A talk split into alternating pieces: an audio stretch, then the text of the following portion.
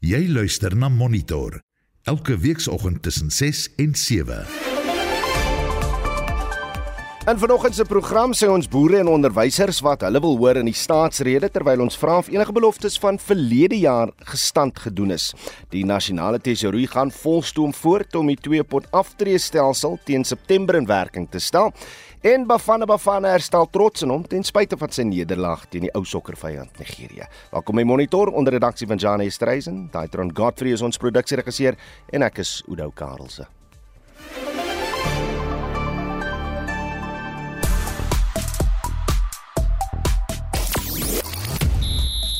In jou sportnuus, ons doen 'n indiepte ontleding na Bafana Bafana se nederlaag gisteraand in die halfyn van die Afrika Nasies beker teen Nigerië. In cricket, 'n rekordsege vir die vroue Proteas oor Australië en in tennis is die sesmalige Grand Slam wenner Boris Becker weer in die nuus. Het jy Bafana Bafana se wedstryd in Nigerië gekyk? As jy die volle 120 minute plus strafskoppe gekyk het, dan kan jy nie anders as om trots te voel oor hoe 'n groep mense wie so baie Suid-Afrikaners afgeskryf het lank voor die toernooi met die vertoning oor die afgelope maand weer vertroue in homself herstel het. As daar 'n boodskap is vir Bafana stuur gerus, maar ek wil liewer meer direk praat oor sake van die hart of of of jy al ooit iets gedoen het om trots, eer of vertroue in jou as mens te herstel. Of was jy dalk aan die ander kant van daardie emosie? Die mens wat weer kon lief hê, vertrou, vrede het omdat vertroue herstel is. Wat het dit geverg? Wat is jou storie? Kom ons praat bietjie diep en persoonlik vanoggend. Ons kan ook nie wegbly van die groot nuus van die dag nie. President Cyril Ramaphosa se staatsrede. Is daar vorige aankondigings of beloftes wat die president gemaak het waaroor jy graag wil terugvoer hê? Ons vra in die tweede halfuur 'n kenner daaroor so laat weet. En gaan jy die staatsrede kyk of na luister? En die vraag natuurlik is dan vir wat? Stuur 'n SMS na 45889. Dit kos jou R1.50 per SMS. Jy kan ook vir ons 'n WhatsApp stemnota stuur na die nommer 0765366961. Jy luister na Monitor elke weekoggend tussen 6 en 7 is af minute oor 6. 'n Voorlopige ondersoek na die busongeluk buite Ventersburg in die Vrystaat waarin 6 leerders van hoërskool Ribikstad, uh, stad liewer gesterf het, dui daarop 'n wiel het losgekom waarna die bus omgeslaan het. Die provinsiale departement van onderwys sê hy gaan wag vir die volledige verslag wat meer besonderhede oor die tragedie sal bekend maak. Vincent Mofokeng het meer besonderhede. Ses leerdlinge het gesterf toe die bus waarin hulle gery het op die R70 byna 30 km buite Ventersburg omgeslaan het. Die bus het 58 meisies vervoer wat Dinsdag 'n sportbyeenkoms op Moelmanshoek bygewoon het. Die ALR van onderwys, Makalo Mogale, het 15 leerdlinge wat in hospitale in Welkom opgeneem is, besoek. What we are focused on is to ensure that we support the families and those learners that are admitted in the hospital so that they can fully recover as quickly as possible so that they can be reunited with their families, as well as assisting the school together with the families of those learners as to the necessary how we then work out the necessary arrangement so that they can be uh, laid to rest. Die meerderheid van die 27 leerdlinge wat na die Bongani Hospitaal geneem is, is ontslaan. Die woordvoerder van die RH Machabeng Privaat Hospitaal, Lubaba Lokwabeni, sê die leerdlinge wat by hospitale opgeneem is, sal na verwagting ten volle herstel. Basically, in the hospital, we have admitted six uh, patients. Uh, it's five children and one teacher. All of them, I will say, the condition is very stable. We've got two of them in ICU, and the others are all in medical wards, but all in stable condition. Even those in ICU, they can speak. 'n Ouer, Evelyn Mogemisa, het haar medelee betuig aan die families van die oorledenes. Um, now, as a parent, I can understand their pain. I'm in tears with them, but I just want to say to them, God is in control. When they come closer to God, He'll console them. Uh, that pain, it can be also, it can only be consoled by God, nobody else, because it's too deep. Die ALR sal na verwagting die families van die oorledenes besoek. Die verslag deur Thola Letlala in welkom. Ek is Vincent Mufokeng vir SAI Garnis. Die nasionale tesourier het nog veranderinge aangekondig aan die twee pot aftreestelsel in 'n wysigingswetsontwerp op pensioenfonde. Dit is nadat die regering twee kwessies met die bestaande stelsel geïdentifiseer het. Die tesourier het Dinsdag die parlement se staande komitee oor finansies ingelig oor die konsep weergawe van die wysigingswet. Ons praat nou met die direkteur van adviesdienste by 91 Suid-Afrika, Jaco van Tonder. Jaco, goeiemôre. Môre Oudo, môre aan die luisteraars. Wat was die twee besorgdhede van die regering oor die twee potstelsel wat na verwagting 1 September vanjaar in werking gestel gaan word? Nou Oudo, ek dink ons uh, hierdie gaan 'n proses wees wat nie vinnig gaan klaar maak nie, uh, want daar's 'n hele paar aantal areas waar die tesourier aangedui het hulle aan nog bietjie wil werk. Maar dit wat 1 September ingaan, het die het, het die het die doel daarvan is om twee probleme aan te spreek wat veral tydens die COVID periode na vore gekom het. Die eerste een was dat mense het nie nood toegang tot hulle aftreefonds as hulle um, behalwe as hulle hulle werk verloor nie.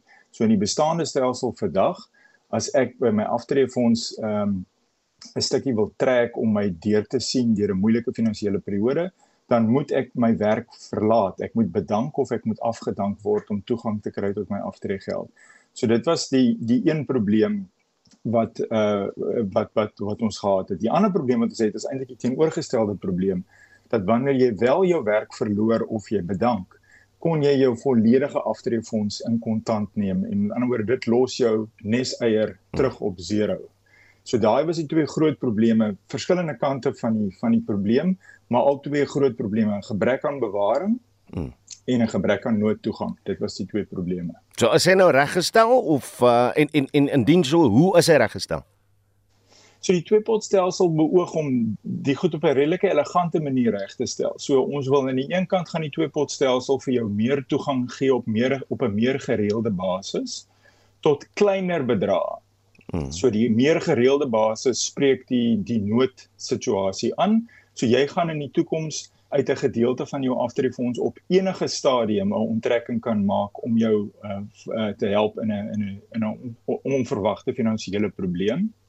So jy gaan nie net beperk word tot wanneer jy jou werk verloor nie, maar aan die ander kant gaan die twee potstelsel beperk hoeveel geld jy kan onttrek en jy sal nooit voordat jy afgetree het meer as om min of meer 'n derde van jou pensioenfonds plus groei hmm. kan onttrek vir noodbefondsing. So dis 'n baie elegante manier om eintlik altyd die probleme van toegang en bewaring aan te spreek.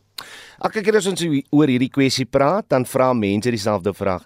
Wie het 'n pensioenfonds wat wat toegang gaan kry tot hulle geld en wie nie?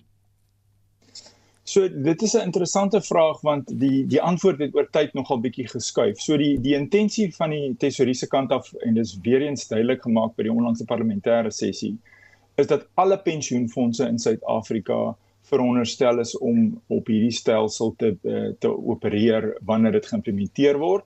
In die praktyk gaan almal nie op dieselfde tyd dink ek ge, gelyk gereed wees nie. Daar's 'n paar pensioenfonde soos byvoorbeeld die staatspensioenfonds waar daar nog heelwat regswerk en verandering van wette agter die skerm en reëls moet plaasvind. Mm. So daar is bietjie bekommernis of dit alles betyds gaan klaar wees vir 1 September, maar die idee is dat kom ons gaan 2 jaar in die toekoms dat alle aftreefondse in Suid-Afrika op een of ander manier vir jou toegang kan bied in in tye van finansiële nood. Ja, ek dink is nog hierdie laaste gepraat hier oor voor September met Jaco van Tonder. Dankie vir jou tyd om monitor. Hy is die direkteur van adviesdienste by 91 Suid-Afrika. Die uh Economic Liberators Forum sê hy gaan appeleer teen die verkiesingskommissie se besluit om nie die party te registreer om aan die algemene verkiesing deel te neem nie. Die besluit kom nadat die Economic Freedom Fighters, oftewel EFF, beswaar by die OVK aangeteken het en aangevoer het dat die uh, kenteken van die nuwe party 11 soortgelyk is aan die EFF se. Ietsie van 'n merwe berig. Die verkiesingskommissie het in 'n brief aan die Economic Liberators Forum gesê hulle kenteken en kleurskema is dieselfde as die EFF sin wat verwarring onder kiesers kan skep. Die OVK sê die stembrief moet ook kiesers toelaat om te stem vir die party van hulle keuse sonder enige verwarring. Die voorsitter van die Economic Liberators Forum, Hulisani Mani, sê hulle gaan teen die OVK se besluit appeleer. The context of the rejection does not speak to the objection which was raised by the EFF. Clearly, the IEC was not objective in their decision. So we're going to lodge an appeal on Friday where we're, we're confident that when other people come in and check the difference between our logos, they are going to give us a positive response and approve our application. They are not commenting about our logo. They are just saying it is going to confuse people. People will think our logo is for the EFF, but we do not believe that. Die SAK nuusspan het inwoners in Mahikeng gevra of hulle 'n verskil tussen die twee partye se kentekens kan sien. I can't specifically tell, but I see Kunali mine then means the other one it's specifically for the mine and the other one is different. Now from these two, which one belongs to the EFF? None. None of them belongs to the EFF. It's actually the EFF logo, this one. Really? yes. Wow. Okay. Mani hou vol, die party se kenteken sal nie die kiesers verwar nie wanneer hulle die lang stembrief deurgaan. Called ourselves economic liberators forum before we even thought of contesting election. And economic freedom fighters and economic liberators forum, it is not the same thing. And I believe that the literacy level in South Africa is very high. People understand and they know their organization. We don't anticipate any confusion. And we're also worried about how the IEC have responded because clearly they are biased, they were not objective. Die sekretaris-generaal van die EFF, Marshall Dlamini, het die verkiesingskommissie se besluit verwelkom. We welcome the, the response from the IEC on the rejection of the registration of some chance takers called ELF because they don't exist. They just want to put the EFF logo and colors and everything so that they can mislead the voters come the election day. So we appreciate that the IEC has seen through them that they are not a genuine political party that must represent the people of South Africa. They are just a group of thugs who want to steal the popularity and the image of other parties. Marshall Dlamini van die EFF. Tebogo Pakedi het hierdie verslag saamgestel. Mitsi van der Merwe, SAK nuus. Ons het gister berig oor 'n opname deur die hoof van Wits Universiteit se skool vir regeringskunde professor David Everett eh, wat toon die ANC se steun is aan die afneem. Everett sê die DA en EFF lok elk net so wat 'n vyfde van die algehele kiesers stal en die jongste peiling van Ipsos toon weer dat die ANC se steun net bo die 40% is. Die DA op 20,5% en die EFF byna 20%. Vir haar siening praat ons nou met Kira Alberts, politieke ontleder aan Universiteit Stellenbosch. Môre Kira. Goeiemôre Oudo. Lekker om jou op te hê.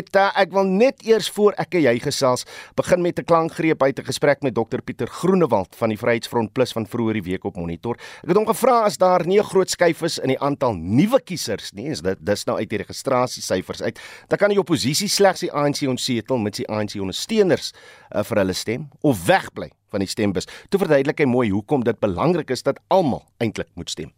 Die proporsionele kiesstelsel of 'n kiesstelsel is die formule wat toegepas word om uitgebragte stemme om te skakel in 400 setels in die nasionale vergadering. Kom ons maak dit eenvoudig. Die kiesstelsel sê as jy 10% van die stemme gekry het in 'n verkiesing, dan kry jy 10% van die 400 setels. En kom ek verduidelik wat beteken jou stem. Kom ons sê 6 of 10 mense het gaan stem Ses mense het byvoorbeeld sê vir die ANC gestem. Een persoon het gestem vir party A, een vir B, een vir C en een vir D. Dan kom die kiesstelsel en sê ANC jy het 6 uit 10. Dis 60%, so jy kry 60% van die 400 setels, dis 240. Opposisiepartye, julle het elkeen 1 uit 10, dit is 10%, so julle kry elkeen 10% van die 400, dit is 40. Maar as jy nou nie gaan stem nie, Kom ons sê nou jy sou vir party D gestem het. Wat gebeur nou? Nou kry die ANC nie 6 uit 10 nie, maar 6 uit 9. En 6 uit 9 is 66%. En dit is wat jou stem werd is. As jy nie gaan stem en dan versterk jy eintlik die ANC as jy teen hom wou gestem het of as jy hom wou gestraf het. Natuurlik is dit andersom. As hulle kiesers nie gaan stem nie, dan gaan hulle nou 5 uit 9 kry en dit is minder as 60%. En dit is hoe die kiesstelsel werk. Nou dit is die stem van Dr Pieter Groenewald van die uh, Vryheidsfront Plus en Kira ek, ek hoop sy wiskunde werk dat jy daarmee saamstem want as dit werk dan is dit so 'n belangrike ding om in ag te neem. Want ten spyte daarvan is daar 13 miljoen Suid-Afrikaners wat nie geregistreer het om om wat stemgeregtig is wat wat wat verkies. Hulle gaan nie stem hierdie jaar nie wat maak maak vir my 'n bietjie sin daaruit Sjoe, Udo, ja, sy wiskunde is 100% reg daarso. Ehm um, en voor, voordat ek daaroor praat, mm. wil ek net sê van daai van wie geregistreer het om te stem, gaan ons omtrent net omtrent 65% van die stemmers sien wat uitgaan op die dag om te stem. Mm. So die hoeveelheid Suid-Afrikaners wat eintlik op die ou einde hulle regmerkie gaan maak is baie minder as dit. Ehm um, en dit is kommerwekkend want vir ons demokrasie om te werk het ons nodig soos dokter Groenewald sê dat almal deelneem. Hmm. Maar ehm um, ekskuus. Nee nee nee, nee. gaan voort. Dan ek het vroeër die week met Susan Paxton gepraat oor hoekom die jeug nie stem nie en ek ek het vir haar gesê, weet jy, dit is so hartseer want dit wys regtig net dat Suid-Afrikaners en veral die werklose Suid-Afrikaners voel dat politiek werk net nie meer vir hulle nie. Hmm. En daar is nie 'n party wat optree um, om ons opgewonde genoeg kry om te mobiliseer nie. En dit is baie hartseer om te sien hoe dit ons demokrasie uh affekteer op die ou ende van die dag. Ja. En en dan wanneer jy op die kantlyn sit en jy wil kla oor wat in Suid-Afrika gebeur, jy wil kla oor die regerende party, gaan dit net weer noem jy het nie 'n registrasie naweek nodig om te registreer nie. Jy kan dit aanlyn doen, jy kan aandoen by jou uh, streekskantoor van die OVK. Maar maar kom ek vra net vinnig oor die die die uh navorsing waaroor ons gister gepraat het. Die Ipsos en Everand navorsing toon albei een ding. Die DA en die EFF gaan veg onder mekaar vir amptelike oppositie status. Gegee dat hulle polities so ver is van mekaar, is dit 'n goeie of 'n slegte ding vir die ANC? Vir die ANC dink ek uh dit dis moeilik om te sê. Ek dink dit sal vir die ANC 'n slegte ding wees as die EFF die amptelike oppositie word. Ek dink dit sal makliker wees vir die ANC om met die DA te werk dit is ook waar ons waaraan ons gewoond is. Dit is hoe die afgelope 20, 30 jaar lyk. So dit sal 'n groot verandering wees en aanpassing vir die vir die ANC om nou met die EFF met te moet werk en ook om aan ag te neem dat die EFF het op oorspronklik uit die ANC se fraksie uit uitgekom. So om nou daai soort van uh, oppositie daaruit te hê uit 'n party wat eintlik die interne interne politiek van die ANC verstaan, mm. uh, sal definitief baie interessante dinamiek uitgee. En dan net 'n vinnige laaste vragie. Al die groter oppositiepartye fokus daarop om die ANC te onsetel. As jy kyk na na die meningsopnames wat gedoen is, blyk dit baie duidelik dat die ANC eintlik met van die kleiner partye 'n meerderheidskoalisie kan vorm. Moet hierdie groter partye nie miskien hulle self daarop toespits om om dalk na die verkiesing met die ANC te werk nie en en op so 'n manier die regerende party van vandag eh, polities verantwoordbaar hou in in in 'n nuwe demokrasie. Strategies sal dit definitief vir ons groter partye 'n beter besluit wees, 100%. Ek dink hulle sal baie meer uitgerig kry in so 'n uh, posisie. Alhoewel dit vir die ANC strategies nou weer beter sal wees om met kleiner partye te werk. Mm. So baie van die menings daar buite is dat as die ANC nie onder kom ons sê omtrent 45% van die stem val nie, sal hulle eerder met kleiner partye in koalisie intree om hulle 50% meerderheid op te maak omdat dit vir hulle in die posisie sal plaas om soort van baas van die plaas te hmm. bly uh en nou nie noodwendig so veel verantwoording hoef te doen nie want hulle sal eenvoudig net meer seggenskap hê in so 'n koalisie met kleiner partye. Maar die oomblik wat hulle onder daai vlak val, dan natuurlik sal hulle moet begin kyk na om in uh, koalisies met groter partye in te tree wat wat natuurlik die die uh, magsdinamiek gaan verander. Dit was Kere Alberts, uh, politieke ontleder aan uh, die Universiteit Stellenbosch. Wêreldnuus. Israel se eerste minister Benjamin Netanyahu het die terme van Hamas se voorgestelde skietstilstand ooreenkoms verwerp. Netanyahu het gesê algehele oorwinning in Gaza is moontlik binne die volgende paar maande. Esther de Klerk het meer besonderhede. Netanyahu sê onderhandelinge met Hamas is onvrugbaar en hy het Hamas se voorwaardes vir 'n skietstilstand en ek haal hom aan as bizar bestempel. Hamas se terme is in 3 fases uiteengesit wat tydens 'n skietstilstand van 135 dae sal geskied en hierdie terme sluit die volgende in.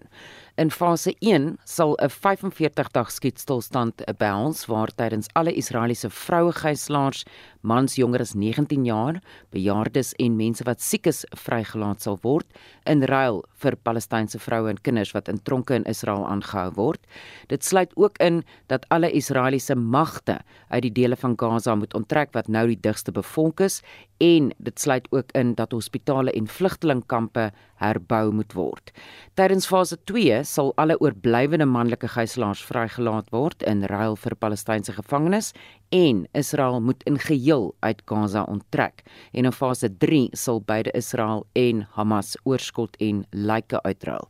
Nou die voorgestelde skietstilstand moet ook dan nou voorsiening maak vir meer humanitêre hulp wat na Gaza deurgelaat sal word. En, en kom ons beklemtoon net weer eens. Hamas sê die ooreenkoms moet 'n waarborg wees dat daar na 135 dae 'n permanente skietstilstand bereik word. Ja, Oudo en die voorstel is deur Netanyahu verwerp. Hier is sy woordvoerder Tal Heinrich. We believe that these two goals that we have defined for the operation in Gaza, um, after Hamas dragged us into this war following the October 7th massacre, which is the release of the hostages and also the elimination of Hamas, they're not contradictory. They go hand in hand. We believe that the military pressure, the heavy military pressure that we're exerting on the ground in Gaza, is what created the conditions, for example, back in November to reach a diplomatic uh, framework by which we saw the release of some of the hostages. Now, we want our stolen people back. There are 136 hostages in Gaza. We believe that about 100 of them are still alive, and we want all of them back. En dit was Tal Heinrich, die woordvoerder van Israel se eerste minister Benjamin Netanyahu. Nou een van Hamas se senior amptenare sê 'n afvaardiging sal binnekort na Kaïro vertrek vir vredesamesprekings met Egipte en Qatar en Netanyahu se verwerping van die voorstel is in teenstelling met die VSA se druk dat 'n ooreenkoms bereik moet word. Hier is die VSA se minister van buitelandse sake Anthony Blinken. While there are some clear non-starters in Hamas's response, uh, we do think it creates space for agreement to be reached. And we will work at that relentlessly until we get there. Dit was Amerika se minister van buitelandse sake Anthony Blinken. Nou hoe langer die oorlog in Gaza voortduur, hoe groter is die potensiaal vir voortsleepende konflik elders in die Midde-Ooste, veral op Israel se grens met Libanon, 'n grens wat in die stadium van drie kante af omsingel word deur Hezbollah. 'n Man wat anoniem wou bly, beskryf die situasie daar. Definitely can turn into a big war, and a big war with Hezbollah is it's not like Hamas. The real army, very trained, greatly equipped, great intelligence, and they have a lot of experience, real experience in Syria. En hier's die BBC se die BBC se Jeremy Bowen. This is the most dangerous, the most unstable frontier in the Middle East at the moment. What started as a low level war back in October has been intensifying, but all sides know how much worse it could get, not just causing great destruction in Israel and in Lebanon, but it's also got the capacity to ignite the region. En dit was die BBC se korrespondent in die Midde-Ooste Jeremy Bowen. Terwyl spanning in Gaza en omliggende streke voortduur is 'n senior Hezbollah, bevelvoerder in Baghdad, Irak se hoofstad, dood na 'n hommeltuig aanval deur die VSA. Nou volgens sekuriteitsmagte van Irak is 3 mense in die aanval dood wat in die ooste van Baghdad geloods is en die aanval het gevolg op ander lugaanvalle deur die VSA op militêre teikens oor die afgelope paar dae in Irak. En dit was estie met 'n oorsig van vandag se wêreldnuus. Monitor jou oggendnuusprogram op RSG. 6:33 in die tweede helfte van die program. Ons fokus uh, natuurlik op die verwagtinge van president Cyril Ramaphosa se staatsrede. Uh en ons kyk ook na Bafana Bafana en die feit dat hulle gister mooi trots herstel het in homself. Hulle gaan nou wel nie in die finaal speel nie, maar wel gedaan. Bafana Bafana bly ingeskakel.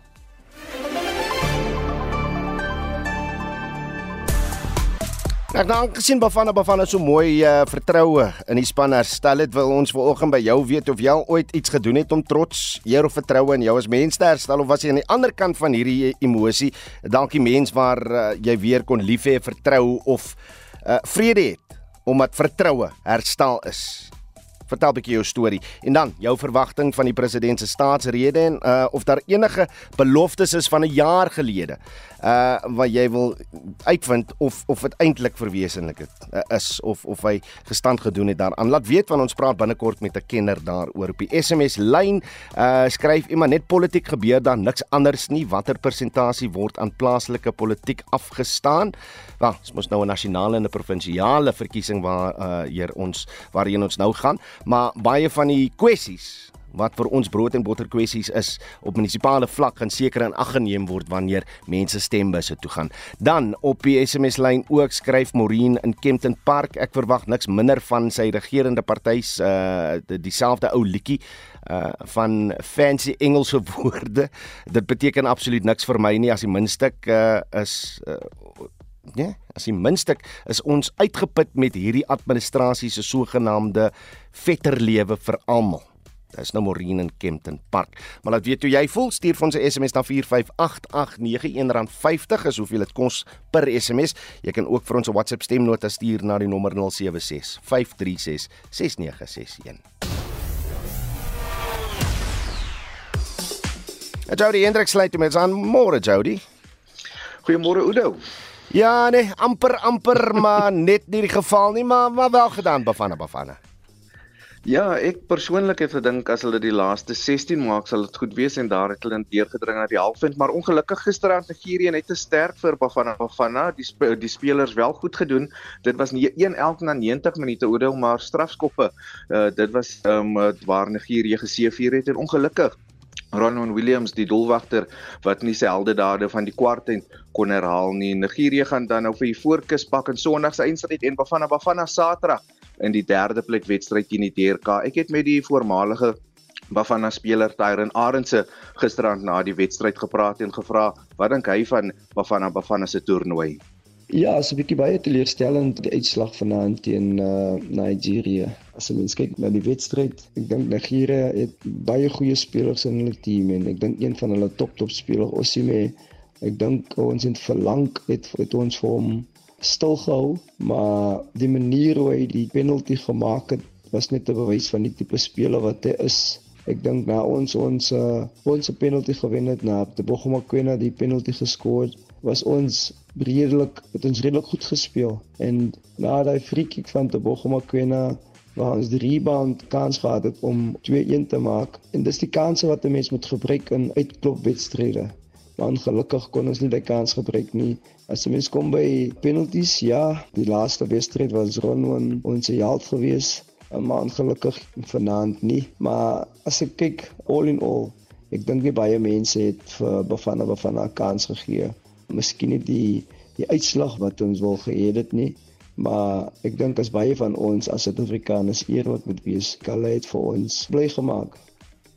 Reg dan Boris Becker, hoekom is hy in die nuus en sê dit is nie so nie. Ek sien nou hier's nuus oor die uittrede van 'n sekere tennisspeler. Ja, Suid-Afrika se rolstoel Grand Slam wenner KG Mochani het gister aangekondig dat sy na vanjaar se Paralimpiese spele in Frankryk die sport vaarwel gaan roep en uh, sy het natuurlik al vir Grand Slams eindstryde in die enkelspel gespeel en dubbels het sy onder andere die Franse Ope en die Amerikaanse Ope gewen. Udo en Boris Becker het gesê hy het weens private redes as afrigter van Holger Rune bedank. Die twee het net 4 maande saamgewerk en Rune staan 7de op die ATP ranglys. Reg, kriket toe en uh, geskiedenis gemaak in die T20 reeks, geskiedenis nou gemaak gister in die eendag reeks. Uh, hierdie Proteas damespan is aan fantasties, né? Nee? Ja, die vroue Proteas het gister in, in hul eerste eendagsege oor Australië behaal toe hulle die tweede wedstryd in die reeks met 84 lopies gewen het.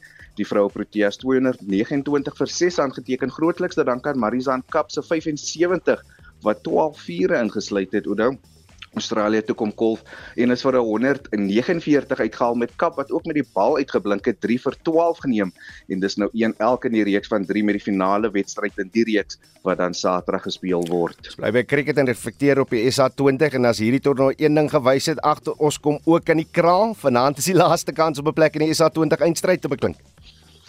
Ja, en die Joburg Super Kings speel op hul tuisveld teen die Durban Super Giants om te bepaal wie Saterdag in Kaapstad teen die Sunrisers Eastern Cape te staan gaan kom. Die Super Kings het gisteraand uh, vir die Paul Royals met 9 paaltjies geklop. Die Royals eerste gekolf 138 aangeteken David Miller Hy was al beste kolwer met 47 van 40 balle vir die Super Kings. Die aanvangspaar van Jacobus Deploy en Faf eh, Du Plessis albei 50 talaan geteken. Deploy is toe uit vir 68 met eh, Du Plessis en Riza Hendriks wat toe die wenlopies vir eh, die Super Kings gekry het. As hy 5:30 vanaand is die aksie weer terug. Uh Jody Hendriks daar van RSG Sport.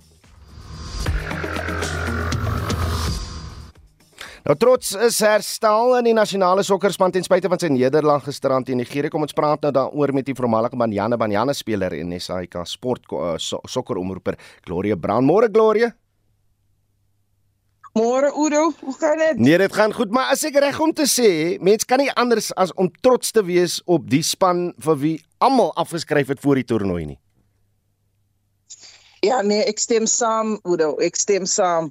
Dit was 'n aand vol drama. dit moet ek sê. Ja, maar ek ja, ja. vandag ek vandag is baie trots. Absoluut. Hugo Broos, is hy die man om bevanne na die volgende vlak te neem? O, oh, dit weet ek nie. Dit weet ek nie. Jy ken mos as contracts. Ehm um, Hugo was nie baie gelukkig nie, maar hy het uh, hard gewerk om 'n team uh Ivory Coast toe te vat, 'n team wat baie mooi gespeel het, 'n team wat ons almal moet baie trots wees.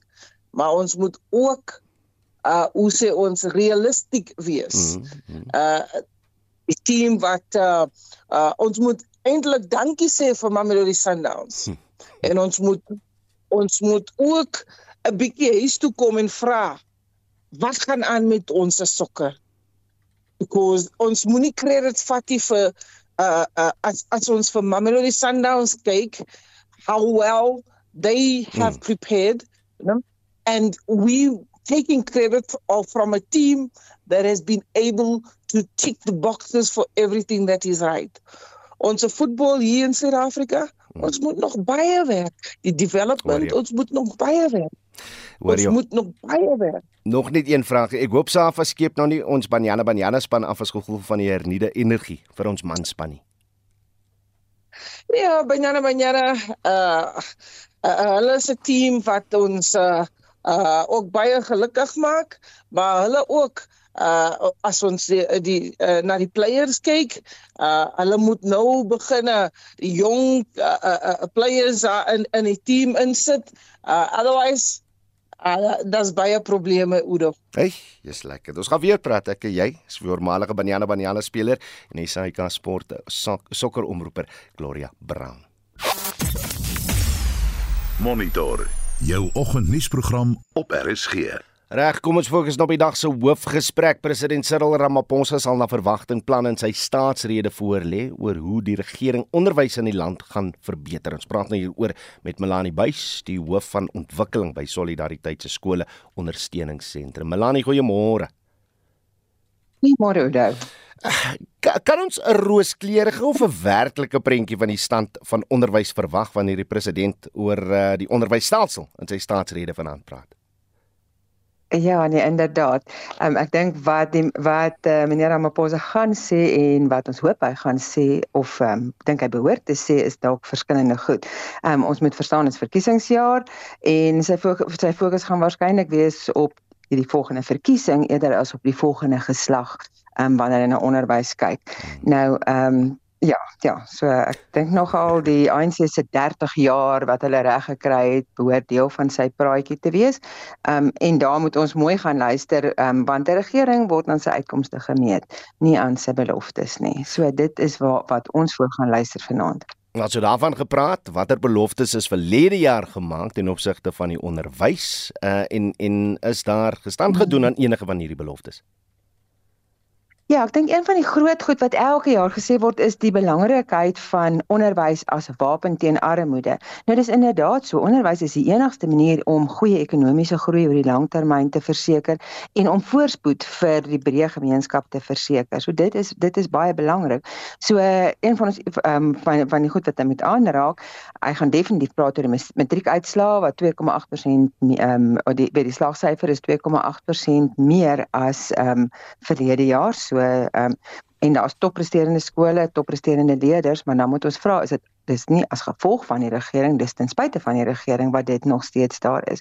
Wat is die die gehalte van van onderwys waartoe die breë ehm um, ehm um, gemeenskap toegang het. So dit is dit is die eerste vraag wat uh, wat hy moet antwoord. En daarmee saam moet ons ook gaan kyk hoe lyk die werkloosheid, hoe lyk die deurvloei syfers want ek twyfel of hy daarna gaan wys verwys ehm um, vanaand die feit dat steeds minder as 50% van die kinders wat in 2012 begin het met onderwys ehm um, verlede jaar matriek geslaag het.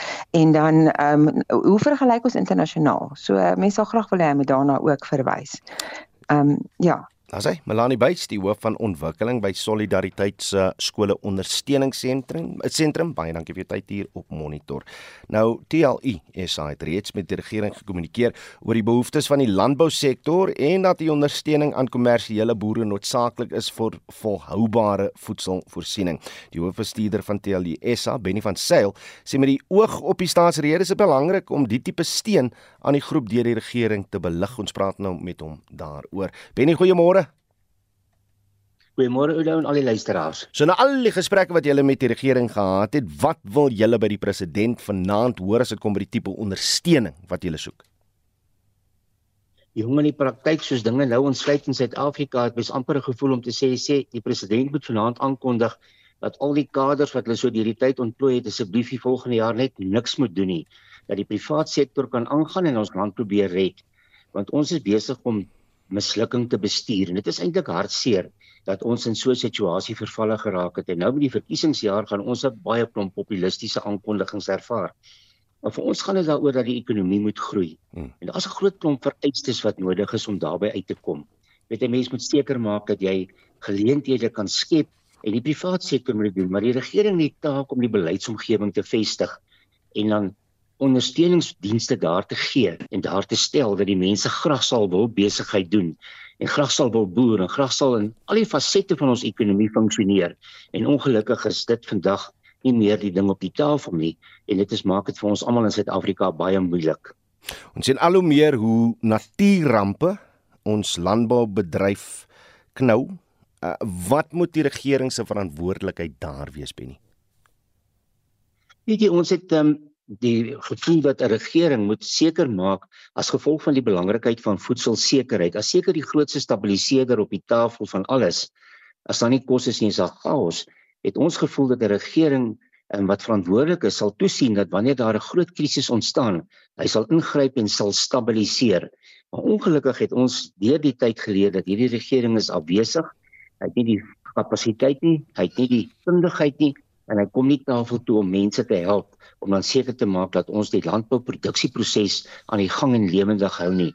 En ons het in die verband dan ook vir die regering gesê, kom tafel toe met gedagtes soos dat boere in winsgewende jare eerder die kapasiteit kan terughou om hulle self te stabiliseer want hulle doen dit nie. Daar's 'n groot klomp dinge wat hulle kan doen, maar ongelukkig is dit nie daar nie. Jy jy het nou paar antwoorde teruggepraat oor wat die regering moet doen om ekonomiese groei te stimuleer. Uh, praat net so 'n bietjie oor wat hy dalk vanaand kan sê. Want as ons na die vooruitskattinge van groei in Suid-Afrika kyk, uh, skets dit maar ook 'n bietjie van 'n bleek prentjie vir die volgende jaar of so. Dit is ongelukkig die harde realiteit. Weet jy, maar ons moet amper die vraag vra kan ons die president glo as hy praat want as ons na verlede jaar gaan kyk en ons sien al die goed wat hy beloof het jy weet beerdkrag gaan opbou Maar dan praat ons van hy dit gesê toe ons die vorige jaar 205 dae beerdkrag gehad het. Maar nou nou hy gesê het hy gaan dit oplos, het dit gestyg na 332 dae toe. Ehm um, met daai tipe van goed begin die geloofwaardigheid van die regering in twyfel trek. Maar daar is sekere aspekte wat hy moet doen, maar dan gaan dit oor uitvoering. En solank hy volhard met sy beleid van kaderontplooiing en die beloftes ten opsigte van verwagtinge wat hy gaan skep. Dit bring net verdere onsekerheid want dit realiseer nie ons moet misdaad aangespreek kry. Ons moet ons infrastruktuur reg kry. Ons moet seker maak dat ons die kapasiteit het om 'n ekonomie te laat funksioneer. Daar's 'n groot klomp voorvereistes wat ons nou moet doen. Onderwys sopas genoem, dit is bitter belangrik. Daar moet gekyk word dat ons die regte mense op die regte plek sit. Hulle moet ophou met 'n beleid van kaderontplooiing en transformasie soos hulle dit toepas ons moet kundigheid tafel toe bring en hulle moet seker maak dat ons dan korrupsie volledig hokslaan. Solank daar 'n korrupte regering is op al die vlakke, help dit nie dat hulle met die beste beloftes en die beste begrotings kom nie. Dit is van nul en geen waarde. En ek dink dit is belangrik dat ons vir mekaar moet sê dat die regering het ongelukkig sy geloofwaardigheid verloor en daarom gaan die private sektor al hoe meer die eienaarskap wat moet moet vat vir die toekoms van ons land en vir al sy mense. Reg, Benny van Sail is die hoofbestuurder by TELUSA. Nou die doel van die jaarlikse staatsrede is om die president te laat praat oor die stand van die land en gewoonlik is dit ook die opening van 'n gesamentlike sitting van die parlement. In verlede jaar se staatsrede is beloftes gemaak oor werkskepping, misdaad en plan om die beerdkrag te stop. En uh, ons praat nou met die politieke ontleder van die Noordwes Universiteit se Sakeskool, professor Piet Kroukamp daaroor. Piet, goeiemôre. Goeiemôre Oude Jesus, maar julle kan vanmôre klaar steen en mag. Oh. Ja. Kom ons begin dan Word jy nie moeg nie? Word jy nie moeg dag? Elke dag, elke dag. As jy as jy 4 uur opstaan vir werk om om om brood op die tafel te sit, dan is jy elke dag moeg Piet. Elke dag. Uh, net maar, net die kaders ontplooi nie, net die kaders ontplooi. Kom ons oh. begin dan. Kom ons okay. begin dan ja. met die met die mylpale, die suksesse waarop ons president vandag eintlik kan reflekteer. En ons hou maar die bokke Tyler en Banyana Banyana en Bafana Bafana daaruit. OK, goed. Uh jy jy het gisteroggend daaroor gepraat en ek dink jy het baie goeie vrae gevra. Die minimumloon wat verhoog is, dit vir baie Suid-Afrikaners maak dit groot verskil. Dawie Rood het gister gepraat van digitalisering. Daar's vordering gemaak. Uh wat die nasionale gesondheidsorgplan, ek en jy, die volgende persoon mag nie daarvan hou nie. Die president goeie vordering daarmee gemaak. Uh wat wetgewing betref, uh dit uh ons sal sien wat sê die minister oor die begroting. Die begroting daarvan maar daar's vordering gemaak. Die Bellewet is uit die ANC se oogpunt is dit inderdaad vordering want hulle wil groter beheer oor skole kry. Dit is 'n pyn vir die 'n politieke pyn vir die ANC dat daar soveel skole is wat eksklusief wit is en eksklusief wit gehou word deur wit skoolbestuurrade en Bellebet is gemik daarop om daai verandering teweeg te bring vir die president en vir die ANC is dit iets wat jy kan aftik. By implikasie het die president 'n paar jaar gelede uh toegelaat dat die private sektor hulle eie krag genereer. Wel ons het intussen twee meer as twee Kuibergs gebou in die proses. Dit moet die president beskou as 'n oorwinning vir dit wat hy aanvanklik gesê het. Hmm. Die toelaas is verleng, uh soos wat die president die ANC graag wou sou hê, 8.4 miljoen mense kry minstens 350 rand per maand, 18 miljoen mense kry maatskaplike toelaas. Vir die ANC is dit 'n oorwinning. Dan wat NISFAS en onderwys betref, die missing middle hulle eh, die minister het geld gevind uh om die sogenaamde missing middle aan te spreek met anderwoorde mense wat hier rondom 600 000 rand per jaar kry, maar wat nie daan slaag om hulle kinders behoorlik op universiteit te sit nie, kan dit nou doen. Die president se eie fonds, hy het 'n presidensiële employment stimulus fund, 32 miljoen is daarvoor begroot en uh, 1.2 miljoen mense het op 'n of ander manier baat gevind daarbey. Dan wat internasionale verhoudings betref vir die ANC baie meer pragmaties geword wat Rusland betref. Ons het die uh, uh, internasionale ons het die wêreldhof, die saak in die wêreldhof teen teen Israel gewen. Die BRICS-beraad is suksesvol aangebied hulle gaan uh, Jago uh, Leseya gaan Jago hmm. en die Reservebank het inderdaad die uh, die die die invloedinflasie wat ons ervaar in die laaste paar jaar baie baie effektief bestuur. Dis alles wat die laaste jaar gebeur het dink ek en die president kan met reg sê daar was vordering in bepaalde areas. Uh, miskien het ons nie aan alles voldoen nie. Ons het nie noodwendig werk geskep nie. Ons het gesukkel om die ekonomie aan die groei te kry. Misdaad is waarskynlik op, maar daar was ook vordering gewees in bepaalde areas. Wie weet, ek voel nou hoop beter is wat ek gevoel het toe ek met die program begin het. Maar so maak jy die deure toe, skakel die ligte af, gaan huis toe alles is goed in Suid-Afrika. Ons weet dit is nie die geval nie.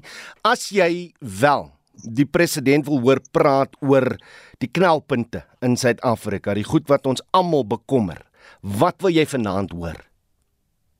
Man, soos alle ander Suid-Afrikaners wil ek baie graag hoor dat daar een of ander plan is om van minister Bekkie Cele ontslae te raak. Want as jy kyk na die misdaadsyfers, as jy lees die onlangse verslag deur die Menseregte Kommissie, skets 'n prentjie van 'n polisie wat mag wat totaal onkapabel is om die werk te doen wat hulle moet doen. En Suid-Afrikaners is onveilig en dit het 'n uh, uh, uh, invloed op stempatrone. Dit het 'n invloed op ons mobiliteit. Dit het 'n invloed op die die, die nasionale siege van Suid-Afrikaners. Jy kan nie 75 mense 'n dag vermoor wat vergelykbaar is met die meeste burgeroorloë in enige ander plek in die wêreld nie. Ek sou baie graag wil hê die president moet sê dat hy uh gepraat het met die private sektor dat hulle onmiddellik met 'n onmiddellike effek. Onthou hulle uit 'n paar dae gelede het al gesê hulle gaan die sogenaamde red tape verwyder. Niks het daarvan gekom nie hy moet met dan moet hy ambisie wees wat hy net met die private sektor hou. Sy luister man, wat is die red tape en hoe verwyder ons? Ons gaan binne die volgende 3 maande gaan ons dit verwyder met wetgewing die hele lot. Dit is die tipe goed jy wil jy wil net 'n vorm van onmiddellikheid hê, daadwerklikheid hê by die president. Want ons ek dink soos wat jy nou al agter gekom het, die meeste mense glo eenvoudig net nie meer die president nie. En as jy onthou daai heel eerste fantastiese toespraak wat hy gemaak het, sy heel eerste sauna, was die mees hoopvolle toespraak, het die regte taal gepraat, regte dinge gesê en daarna is asof daar 'n windstilte ingetree het en die uitvoering daarvan het net nie uh werklik gematerialiseer nie. En ek baie graag wil hy moet hy moet vanaand sê ek is jammer, dit is inderdaad die situasie. Ek gaan probeer om dit binne die volgende 3 tot 6 maande reg te maak. Maar dis nou verkiesingstyd. Hmm. Sy hande is vasgebind. Hy moet nou ANC stories praat. Hy kan nie nou nasionale dinge sê nie. Tumamina send me, stuur vir my. Poeties, poeties, beautiful. Net vinnig, is daar 'n verskil tussen wat jy het nou gesê dat dat, dat hierdie jaar 'n verkiesingsjaar is? Is daar is daar 'n verskil tussen hoe die president van die land uh, die staatsrede gaan benader en die president van die ANC? Jy, jy moet net onthou, die ANC is die meerderheidsparty in Suid-Afrika. Die ANC verteenwoordig die meerderheid Suid-Afrikaners. As die president vanaand 'n toespraak maak en die meerderheid Suid-Afrikaners wat ANC-lede is, is tevrede met die toespraak, het hy 'n goeie toespraak gemaak. Die president maak nie toesprake vir die oppositie nie. Mense sou wou sien dat dit wat die oppositie inderdaad as as problematies beskou, dat dit op 'n manier in ag geneem word. Maar die vraag gaan vanaand wees, gaan mense wat vir die ANC gaan stem in hierdie verkiesing, gaan hulle tevrede wees met die toespraak? En ek dink baie van hulle gaan tevrede wees, maar hulle gaan vra vra oor die uitvoering, oor die onmiddellikheid daarvan, die onmiddellike effek daarvan en die waarskynlikheid dat dit hulle persoonlik gaan raak. En in daardie opsig dink ek gaan jy 'n skeptiese ANC publiek kry. Jy gaan 'n verskriklike negatiewe uh oppositiepolitiese partye kry wat sê uh kader ontplooiing, kader ontplooiing, kader ontplooiing die hele tyd. Hmm. Maar die feit bestaan is dit gaan nie eintlik oor die oppositie nie. Dit gaan daaroor dat vanaand met die meerderheid Suid-Afrikaners tevrede voel en die meerderheid is ANC ondersteuners en as hulle tevrede voel was dit 'n goeie toespraak. Ons sê Piet Kroukamp, politieke ontleder van die Noordwes Universiteit, baie dankie vir jou op, op sy sakeskool. Baie dankie vir tyd hier op monitor.